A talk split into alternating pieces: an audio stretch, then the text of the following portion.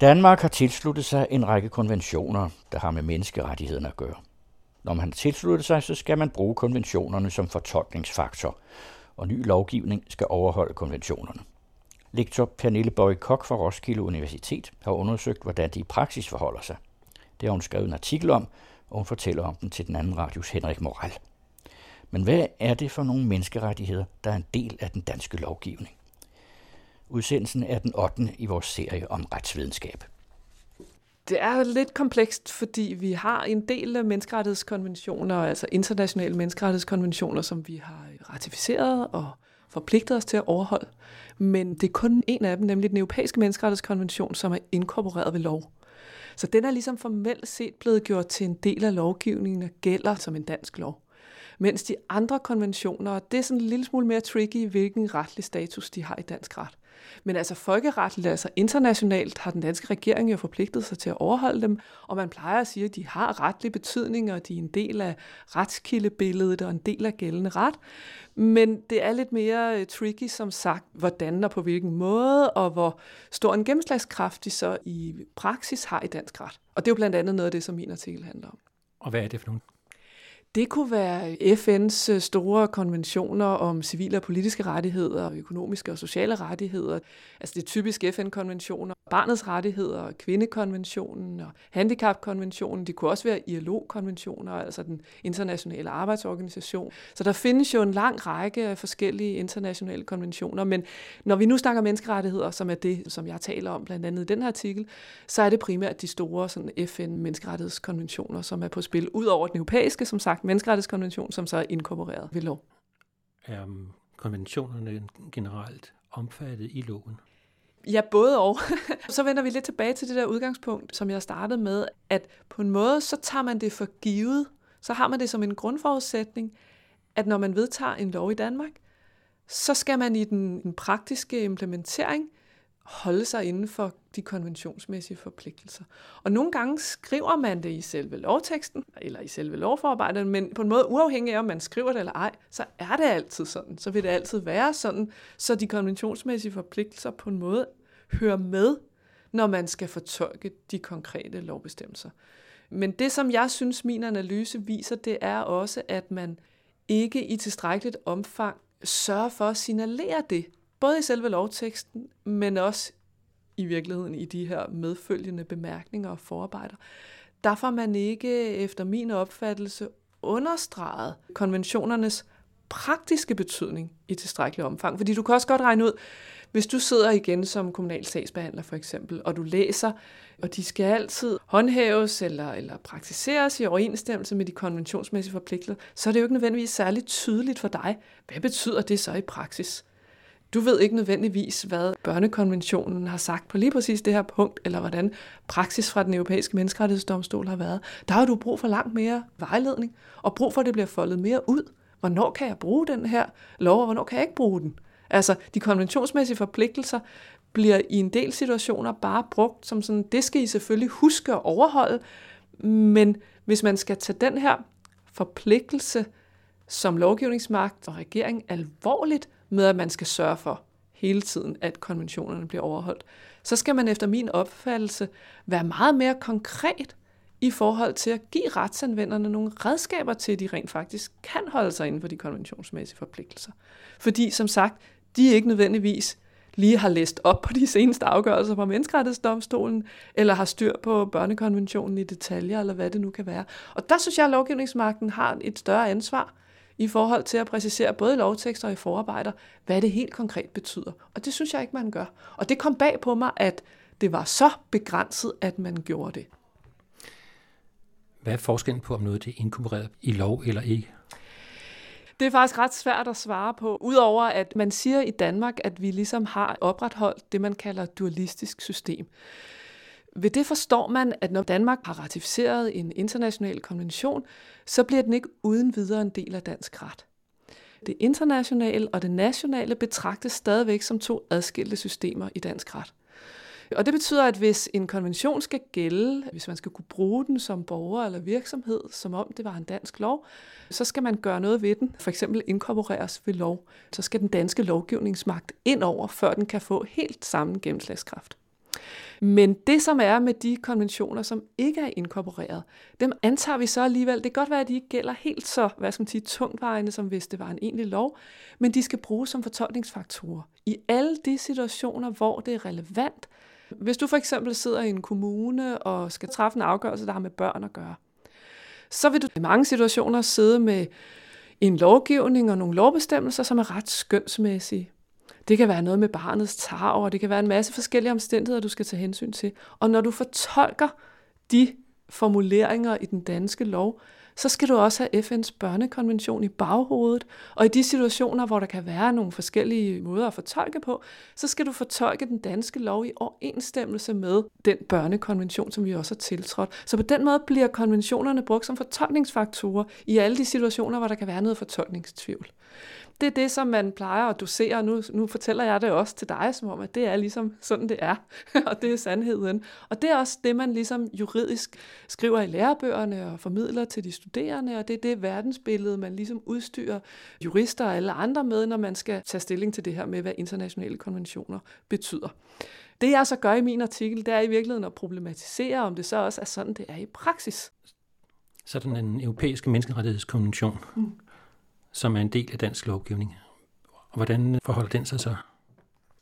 Altså den europæiske menneskerettighedskonvention, der er du sikker på, at den gælder på lovniveau.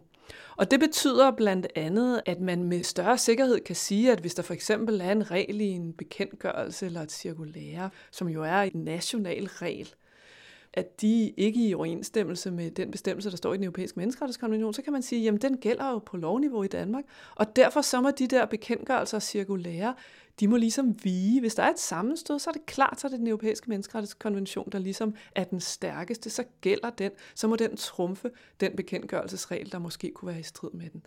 Så det er det ene, man kan sige. Den har en sikker lovmæssig status. Så er der faktisk også noget mere.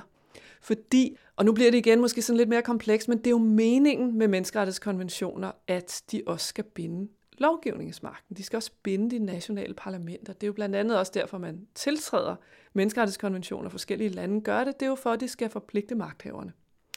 Så derfor så har man jo diskuteret, om den europæiske menneskerettighedskonvention også har en eller anden form for semi-konstitutionel status. Altså, at man må antage i langt de fleste situationer, så skal også danske lovregler rette sig ind efter den europæiske menneskerettighedskonvention, fordi det er ligesom formålet med, som sagt, at tiltræde den her konvention, det er jo, at alt det, vi vedtager regler i Danmark, skal passes ind efter den europæiske menneskerettighedskonvention. Når jeg så alligevel ikke sådan meget entydigt siger, at den har en eller anden form for forfatningsstatus, eller den ligger over lovgivningen, så er det fordi, man stadigvæk holder fast i, juridisk set, at i den undtagelsessituation, hvis vi forestiller os den teoretiske situation, at den danske lovgivningsmagt siger, vi ved godt, der er en konflikt med en bestemmelse i den europæiske menneskerettighedskonvention, men vi vil altså fravige det princip i den her konkrete lov. Altså hvis man med åbne øjne siger, vi ved godt, der er en konflikt, men vi holder fast i, at loven skal være på den her måde, så er det altså ikke den europæiske menneskerettighedskonvention, der trumfer, så er det den lov, der gælder i dansk ret. Så derfor kan man ikke i alle situationer hæve den europæiske menneskerettighedskonvention op over den danske lovgivning, men i praksis i langt de fleste situationer, så vil man sige, at det har ikke været lovgivningsmagtens hensigt at lave noget lovgivning, som ikke holder sig inden for de konventionsmæssige forpligtelser. Så derfor så vil den europæiske menneskerettighedskonvention i praksis hæve sig en lille smule op over lovgivningen, fordi lovgivningen ligesom skal tilpasse sig de konventionsmæssige forpligtelser. Når det nu er en del af lovgivningen, mm så skal domstolene vel dømme i forhold til det og sørge for, at man retter ind efter de forskellige konventioner, som man har tiltrådt. Mm. Ja, det er rigtigt. Det er jo udgangspunktet. Men det, der er lidt specielt, det er, at de danske myndigheder og den danske lovgivningsmagt har pointeret flere gange, at de faktisk ikke vil have, at domstolene skal gå ind og være alt for aktive, når de fortolker og bruger de menneskerettighedskonventioner, vi har tilsluttet os. Og det hænger jo blandt andet sammen med diskussionen om, hvad er magtfordelingen mellem lovgivningsmagt, udøvende magt og dømmende magt. Nogle af de lande, øh, vi normalt sammenligner os med, der er en tradition i nogle af dem for at have nogle mere aktive domstole, hvor man går ind og fortolker selvstændigt og også får en mere politisk rolle, end vi har haft tradition for i Danmark. Og det har man været meget bekymret for i Danmark, at hvis øh, de danske domstole de skulle ind og lave alt for selvstændige fortolkninger af konventionsstoffet, så har man simpelthen været bekymret for, at det vil betyde, at de tiltog sig noget lovgivningsmagt, eller noget, vi i Danmark vil sige, det skal domstolen ikke blande sig i, det skal lovgivningsmagten gøre. Og derfor har man lige fra da vi besluttede at inkorporere den europæiske menneskerettighedskonvention i 1992, og så i de efterfølgende officielle anledninger, hvor man har forholdt sig til, skal vi inkorporere flere menneskerettighedskonventioner, eller skal vi ikke, så man altid understreget det her med, uha, vi vil igen understrege, at det er meget vigtigt, at domstolene ikke bliver for aktive, ikke øh, går ind og fortolker meget selvstændigt, fordi vi er nervøse for, at det kan betyde, at de får en større politisk rolle, og det vil forrykke den magtfordeling, vi mener er den rigtige i Danmark. Og det betyder så i praksis, at domstolen er ret tilbageholdende i Danmark, og er meget forsigtige med at gå ind og fortolke på menneskerettighedskonventionerne, særligt selvfølgelig, hvis der er et eller andet konfliktpotentiale i forhold til noget dansk lovgivning. Og det, jeg så har interesseret mig for i den her artikel, det har så været, at det resonemang, altså det argument, domstolene skal virkelig øh, spille en meget lille, øh, tilbageholdende rolle, det har været koblet med, jamen, hvem skal så sørge for, at konventionerne så bliver overholdt, hvis domstolene ikke rigtig kan gå ind i opgaven, fordi vi siger, at de skal holde sig tilbage. Hvem skal så gøre det? Det skal lovgivningsmagten, har argumentet ligesom været.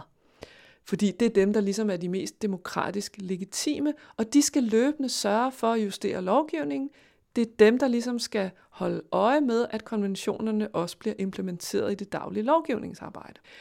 Det er der så bare ikke rigtigt, at det er nogen, der har undersøgt, hvor alvorligt tager lovgivningsmagten så også den her opgave. Hvor samvittighedsfulde er de til at sørge for at justere lovgivningen løbende og sørge for hele tiden at holde øje med, om de konventionsmæssige forpligtelser nu også bliver overholdt i det daglige lovgivningsarbejde. Og det var det, jeg synes, jeg øh, ville interessere mig for, fordi man ud fra sådan et håndhævelsesperspektiv godt kan sige, at hvis menneskerettighedskonventionerne skal have en reel betydning, så vil man normalt sige, at så er vi afhængige af, at vi skal have nogle domstole, der kan håndhæve dem. Fordi det er nok ikke noget, som statsmagten nødvendigvis af sig selv vil gøre. Vi bliver nødt til at have nogen, der kan håndhæve, at de også rent faktisk bliver overholdt, de her menneskeretlige forpligtelser. Men når man ikke har nogen domstol, så bliver vi også nødt til at finde ud af, tager lovgivningsmagten, tager regeringsmagten og, og Folketinget nu også den her opgave tilstrækkeligt alvorligt? Er det et rigtigt billede, når vi ved officielle anledninger siger, Menneskerettighederne er vigtige, de bliver overholdt, og vi er samvittighedsfulde i det, og ligegyldigt om de er inkorporeret eller ej, så gælder menneskerettighederne og er vigtige retskilder i Danmark. Det havde jeg lyst til at efterprøve, og derfor gik jeg ned i lovgivningsarbejdet og prøvede at efterforske eller undersøge, når vi går ned i forarbejderne, altså i det lovforberedende arbejde, hvordan er det så egentlig, man inddrager de internationale menneskerettighedskonventioner, vi har tilsluttet os. Hvor udførligt gør man det, hvor grundigt gør man det, og på hvilken måde øh, fortolker man konventionerne og bruger man konventionerne i det lovforberedende arbejde. Og der synes jeg, der viste sig nogle interessante konklusioner, som rykkede lidt ved billedet af, at lovgivningsmagten grundigt og samvittighedsfuldt laver en, en løbende tilpasning og justering i lyset af de konventionsmæssige forpligtelser. Jeg synes, at min undersøgelse viste, at det var en ret overfladisk brug af de internationale konventioner, og at der også var nogle uhensigtsmæssigheder i dele af den måde, man bruger konventionerne på, som gør, at jeg ikke synes, man står tilbage med et billede af, at konventionerne står særlig stærkt i dansk ret. Og det synes jeg jo er problematisk, fordi det tegner for mig at se et billede af, at den officielle udlægning af, at konventionerne er vigtige i Danmark, og at menneskerettighederne, uafhængig af om de er inkorporeret eller ej, har en stor betydning, at det billede bliver faktisk rykket ved. Fordi den store betydning og den løbende samvittighedsfulde implementering, som man på en måde deklarerer, at det er det, man gør, den synes jeg faktisk ikke at kunne genfinde i de lovforarbejder, jeg har kigget på.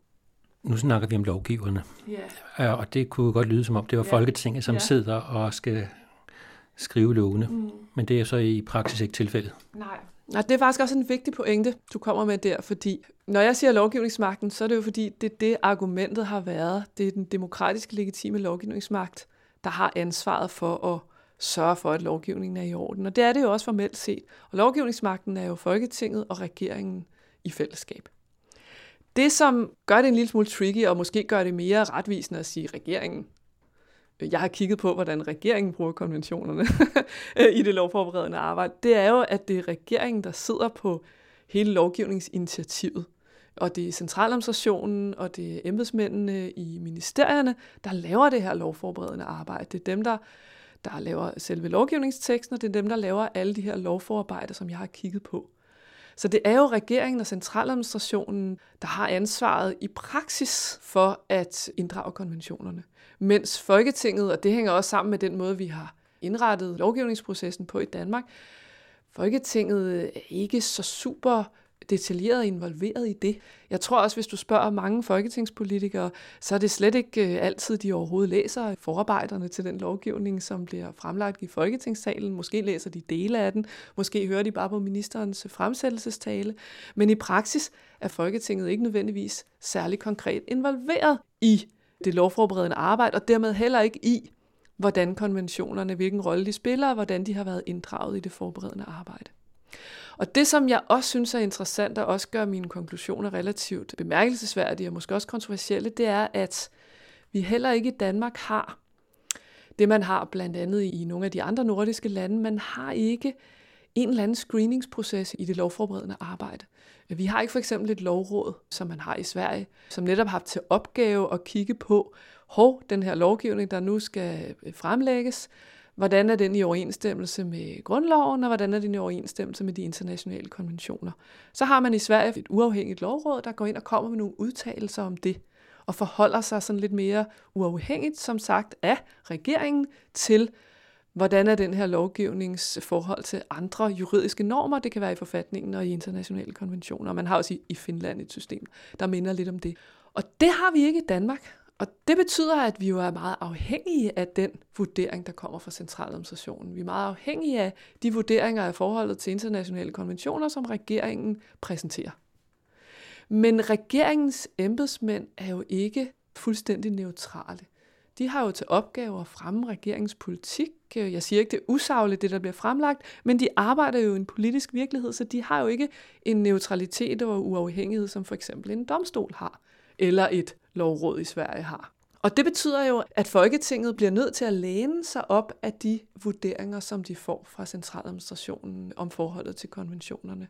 Og man har heller ikke tradition for i det danske Folketing, at man får udarbejdet sine egne selvstændige vurderinger i Folketinget for eksempel. Hvis man nu havde et lidt større sekretariat i Folketinget, det har også været diskuteret, så kunne man jo godt sige, nu laver vi vores vurdering af konventionsspørgsmålene her i Folketinget. Men det har man altså heller ikke tradition for i det danske Folketing. Så derfor har du ret i, at i praksis, så er det måske snarere regeringens brug af internationale konventioner, som jeg har været inde og undersøge, og deres fremstilling af og fortolkning af konventionsspørgsmål i det lovforberedende arbejde. Hvordan har du grebet den her undersøgelse an? Jeg har taget en rimelig lang, sådan øh, godt og vel treårig periode, og så har jeg forsøgt at finde alle de lovforslag, som har et sådan relativt væsentligt øh, menneskeretligt element i sig. Og det har jeg selvfølgelig gjort på en måde, hvor jeg både har lavet nogle søgninger i Folketingets dokumentsamling over lovforslag i den her periode, hvor jeg har brugt nogle søgeord, der handler om menneskerettigheder og den europæiske menneskerettighedskonvention osv.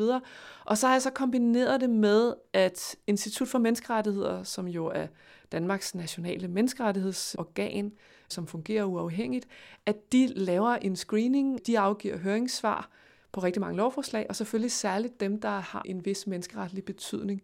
Så for at sikre mig, at jeg også fik alle lovforslag, der havde noget med menneskerettigheder at gøre med, så har jeg så også set på de lovforslag, som Institut for Menneskerettigheder har afgivet høringssvar på, og inddraget dem også i min analyse.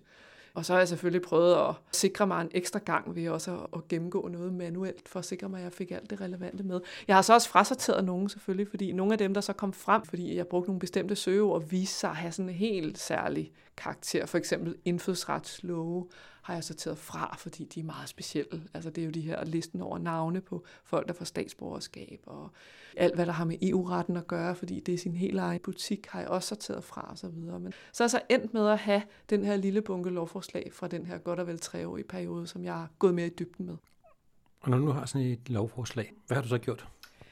Hvis jeg har været heldig, og det har i langt de fleste situationer, så har man en arbejdsgang i ministerierne, som handler om, at man har det, man kalder de almindelige og de specielle bemærkninger. Efter et lovforslag, når det bliver fremsat i Folketingssalen, så har man dels de almindelige bemærkninger, de handler om, hvorfor er det her lovforslag overhovedet blevet fremsat, hvad er formålet, hvad er det for en problematik, det har til hensigt at dæmme op for osv. osv.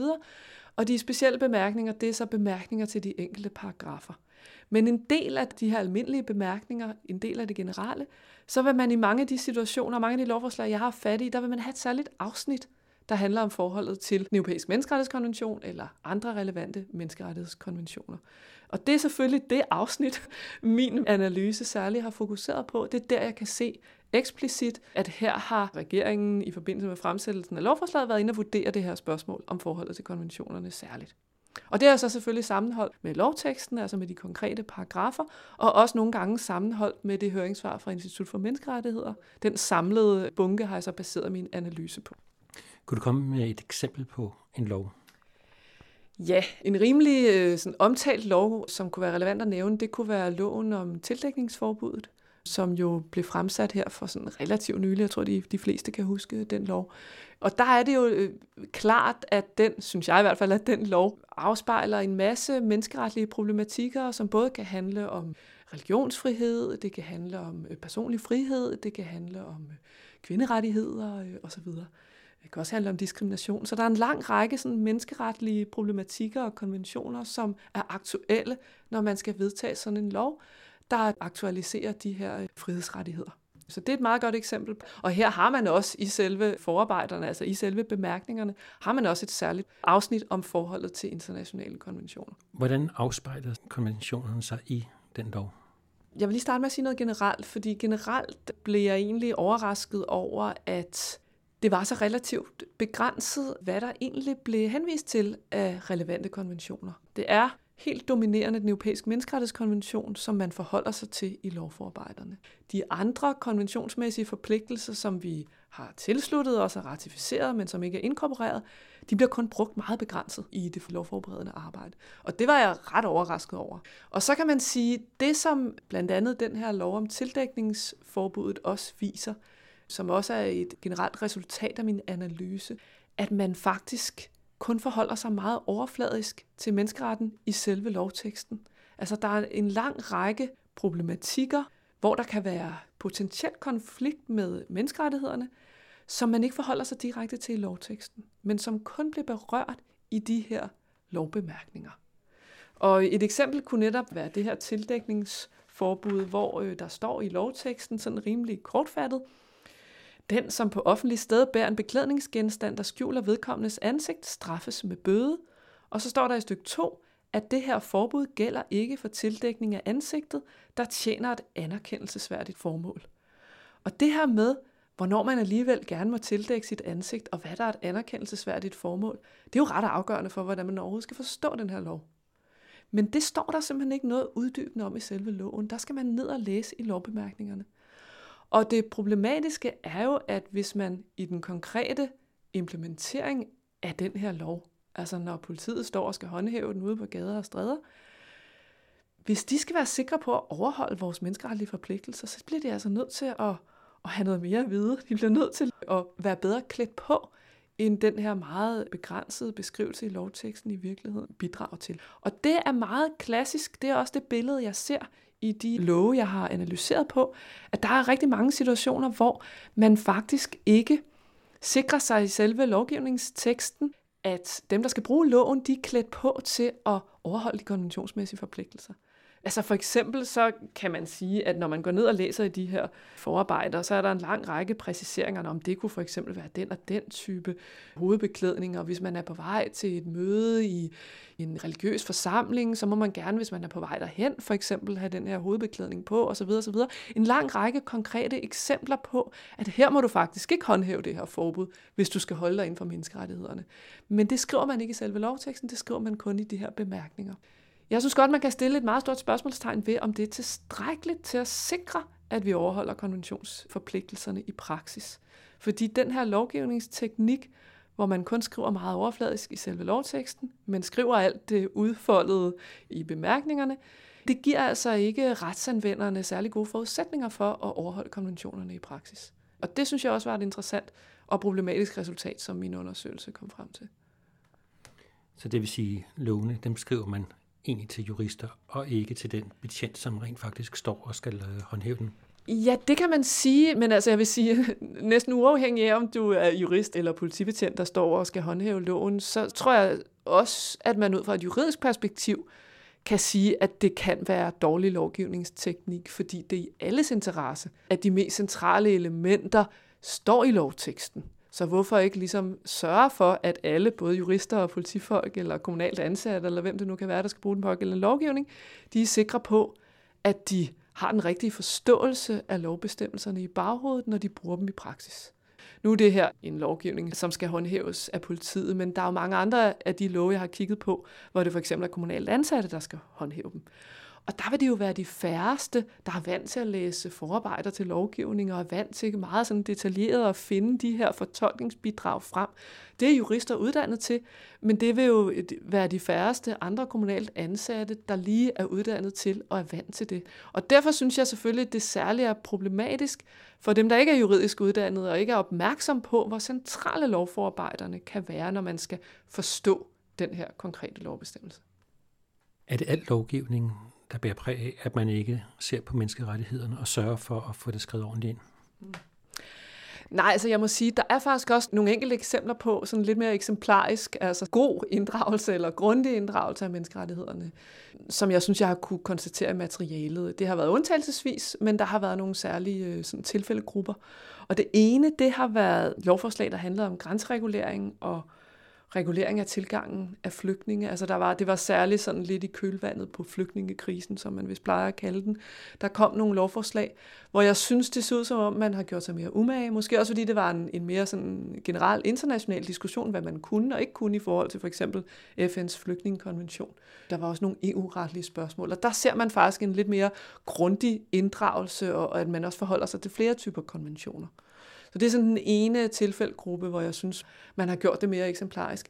Den anden gruppe af lovforslag, det er nogen, der handler om social- og sundhedsområdet, hvor jeg synes, man også kan se nogle eksempler på, at man er bedre til, også i selve lovteksten for eksempel, at understrege, at der er nogle særlige hensyn at tage i forhold til de berørte individer. Det kunne være sådan noget med for eksempel alarm- og pejlesystemer øh, på øh, for eksempel øh, senile, eller anvendelse af tvang ved behandling af varigt inhabile. Og der er man sådan lidt mere optaget af det her med, at et hvert indgreb skal være så skånsomt og kortvarigt som muligt. Det står i selve lovteksten, og man skal altid sørge for at bruge det mindst indgribende, og man skal tage hensyn til den pågældende patient osv. Det er nogle ting, som står i selve lovteksten, og som er sådan klart menneskeretlige sådan, værdier, som man har puttet op i selve lovteksten, for at sikre, at menneskerettighederne bliver overholdt på de her områder. Så der synes jeg også, man kan se, at inden for nogle ressortområder er man tilsyneladende bedre til at inddrage øh, de konventionsmæssige forpligtelser, end man er inden for andre. Men det har altså været en klar undtagelse. Det var nogle, nogle relativt få lovforslag, der har været gode til det. nu siger man nogle gange, at den lov, den overholder konventionerne. Argumenterer man også for, at den rent faktisk gør det? Ja, det er jo noget af det, jeg også har interesseret mig for. Det er, at i nogle af de situationer, hvor de konventionsmæssige forpligtelser har været særlig aktuelle. Nu nævnte jeg lige før den her lov om tillægningsforbuddet, som er et godt eksempel. Det kunne også være nogle af de love, man har vedtaget i forbindelse med bandepakker og forbud mod rockerborger og sådan noget. Der har været nogle situationer, hvor det har stået klart for de fleste, at hov, her er i hvert fald et issue i forhold til forsamlingsfrihed eller religionsfrihed, eller hvad det nu kan være. Og der har jeg også, også selvfølgelig interesseret mig for, hvor meget øh, gør man så ud af at argumentere for, at den lov, der nu også bliver fremlagt, den holder sig inden for de konventionsmæssige forpligtelser. Og det er en anden øh, mangel eller begrænsning, jeg har kunne identificere, det er, at man kan godt sige som et generelt billede, at det er en relativ sporadisk eller kortfattet argumentation, man ofte ser i de her lovforslag. Man gør ikke specielt meget ud af at argumentere for, hvorfor man mener, at den holder sig inden for de konventionsmæssige forpligtelser. Et meget godt eksempel kunne være, at man i langt de fleste menneskerettigheder har et proportionalitetskrav. Altså at man godt kan gøre indgreb i religionsfrihed, ytringsfrihed, foreningsfrihed, hvad det nu kunne være, hvis det varetager et legitimt formål, og særligt hvis det er proportionalt. Der er altid en eller anden form for proportionalitetsafvejning. Altså, hvor indgribende er det over for de konkrete mennesker, og hvor vigtigt er det formål, man så gerne vil opnå. Og den proportionalitetsbedømmelse, den synes jeg i mange af lovforslagene er meget overfladisk. For nærmest sådan en helt postulerende karakter, hvor man siger, uden egentlig at uddybe det eller begrunde det nærmere, og det er proportionalt. Men hvor man egentlig ikke, at det, der bliver skrevet eller argumenteret, kan se, hvorfor det er det. Så det var klart også et af de steder, hvor jeg synes, at lovgivningsmagten, eller måske særligt regeringen, burde oppe sig, hvis de ville leve op til den her intention om, at det er i det lovforberedende arbejde, at man skal sørge for, at de konventionsmæssige forpligtelser nu også bliver overholdt. Der synes jeg ikke, det virker som om, man tager det ansvar særlig alvorligt, fordi den her argumentation er så relativt overfladisk. Nu nævnte du rockerborger. Mm. Det er også en lovgivning, som er svær at håndtere for en kommunalt ansat. Det tror jeg godt, man kan sige. Men det er også netop et meget godt eksempel på, nogle af de problemer, der har ligget i det materiale, jeg har kigget på. Jeg kan lige prøve at læse op. Man har fået en lov, som var en reaktion på nogle af de problemer, man havde med rockerborg i villakvarterer, hvor der var sådan meget harme over, hold da op, vi må kunne gøre noget, vi må give kommuner nogle bedre redskaber. Og det betyder, at der bliver lavet en lovgivning, hvor der er en bestemmelse, som siger, at Kommunalbestyrelsen kan nedlægge forbud mod, at en ejendom anvendes som samlingssted for en bestemt gruppe, hvis gruppens anvendelse af ejendommen som samlingssted er egnet til at medføre væsentlig ulempe og utryghed for de omkringboende. Så hvis man bare læser den her paragraf, så kan man jo godt få et indtryk af, at det er jo et rigtig godt redskab for kommunerne, det her med væsentlig ulempe og utryghed. Det vil der være i rigtig mange situationer, hvor der er nogle rockerlignende typer, der flytter ind i et villakvarter. Så ud fra en umiddelbar betragtning, når man bare læser lovteksten, så ser det ud som om, det er et ret stærkt redskab, som man relativt nemt kan gøre brug af i kommunerne. Problemet er så bare, og det er jo fordi, at der er nogle væsentlige menneskeretlige problematikker, der handler om, at også folk, der har fået en dom eller kører på motorcykel, har personlig frihed og har ret til at købe ejendom og bosætte sig, hvor de vil og sådan noget. Så hvis man skal overholde menneskerettighederne, så bliver der faktisk nødt til at være nogle sådan særlige skærpende omstændigheder, der er opfyldt, før man kan lave sådan et forbud. Men det står der jo egentlig ikke noget om i selve lovteksten. Der skal man igen ned i bemærkningerne for egentlig at få de her forbehold præsenteret. Og hvis man så går ned og kigger i dem, så kan man se, at hold da op, så bliver det meget mere besværligt. For eksempel så står der noget i retning af, at væsentlig ulempe og tryghed med det menes der til gener, der er så alvorlige og normalt længerevarende, at de kan sidestilles med, hvis man for eksempel har systematisk strafbare handlinger, systematisk hashandel osv. osv. Hyppige støjgener, hyppige trafikale gener vil også kunne indgå, strafbare forhold osv. osv. Her bliver der nævnt nogle eksempler på nogle meget mere alvorlige forhold, som skal være opfyldt, før det overhovedet kan komme på tale og nedlægge det her forbud. Men det, som sagt, det skriver man faktisk først i lovbemærkningerne. Og på den måde synes jeg, at man får givet retsanvenderne et forkert billede af, hvad de kan og hvad de ikke kan. Fordi som sagt, når man læser lovgivningsteksten, så ser det ud som om, at der skal ikke særlig meget til. Man skal ned og læse ekstra øh, lovforberedende arbejde og materiale og lovbemærkninger, før man får et mere reelt billede af, hvordan man kan bruge den her lov, hvis ikke man vil komme ind i problemer med menneskerettighederne. Og det synes jeg simpelthen er put for meget med menneskerettighederne. altså der får man simpelthen ikke øh, givet menneskerettighederne den plads, som de faktisk har, fordi vi har ratificeret dem og har forpligtet os til at overholde dem. Og det er også det, jeg ender med at konkludere, at, at fordi at man har den her meget minimalistiske brug af menneskerettighederne i det lovforberedende arbejde, så kan man godt sidde tilbage med en fornemmelse af, jamen gælder de så overhovedet, eller har de reelt den her centrale betydning, som man får givet indtryk af ved officielle lejligheder, hvor man jo igen og igen siger, at vi holder os selvfølgelig altid inden for menneskerettighedens rammer, og de konventionsmæssige forpligtelser er vigtige, og uafhængig af, om de er inkorporeret eller ej, så har vi tilsluttet os og overholder de her menneskerettigheder. Men man giver altså ikke, som sagt, kommunerne eller andre retsanvendere et særligt godt billede af, hvad det så i praksis betyder, når vi skal overholde de her menneskerettigheder. Og derfor så kan man godt frygte, at der i praksis ikke nødvendigvis sker en overholdelse af menneskerettighederne, fordi man ikke simpelthen har klædt retsanvenderne ordentligt på. Så der synes jeg faktisk, at lovgivningsmagten svigter deres ansvar, særligt fordi, som jeg startede med at sige, at vi i Danmark har besluttet os for, at domstolene skal ikke gå ind meget nedkært at lave en tilbundsgående efterprøvelse af menneskerettighederne. Dem vil vi gerne have skal holde sig tilbage, fordi vi kan ikke lide i Danmark, at de er alt for aktive, og vi er bange for, at de bliver for politiske. Men hvis det argument skal holde, så bliver vi altså også nødt til, som lovgivningsmagt og regering, at tage ansvaret mere alvorligt, end det, som jeg synes, man gør, når man kigger på den undersøgelse, jeg har lavet. Udsendelsen var tilrettelagt af Henrik Moral og er en del af serien Retsvidenskab. Man kan finde de andre udsendelser på den anden radios hjemmeside, hvor man også kan finde en henvisning til artiklen, som er omtalt i denne udsendelse.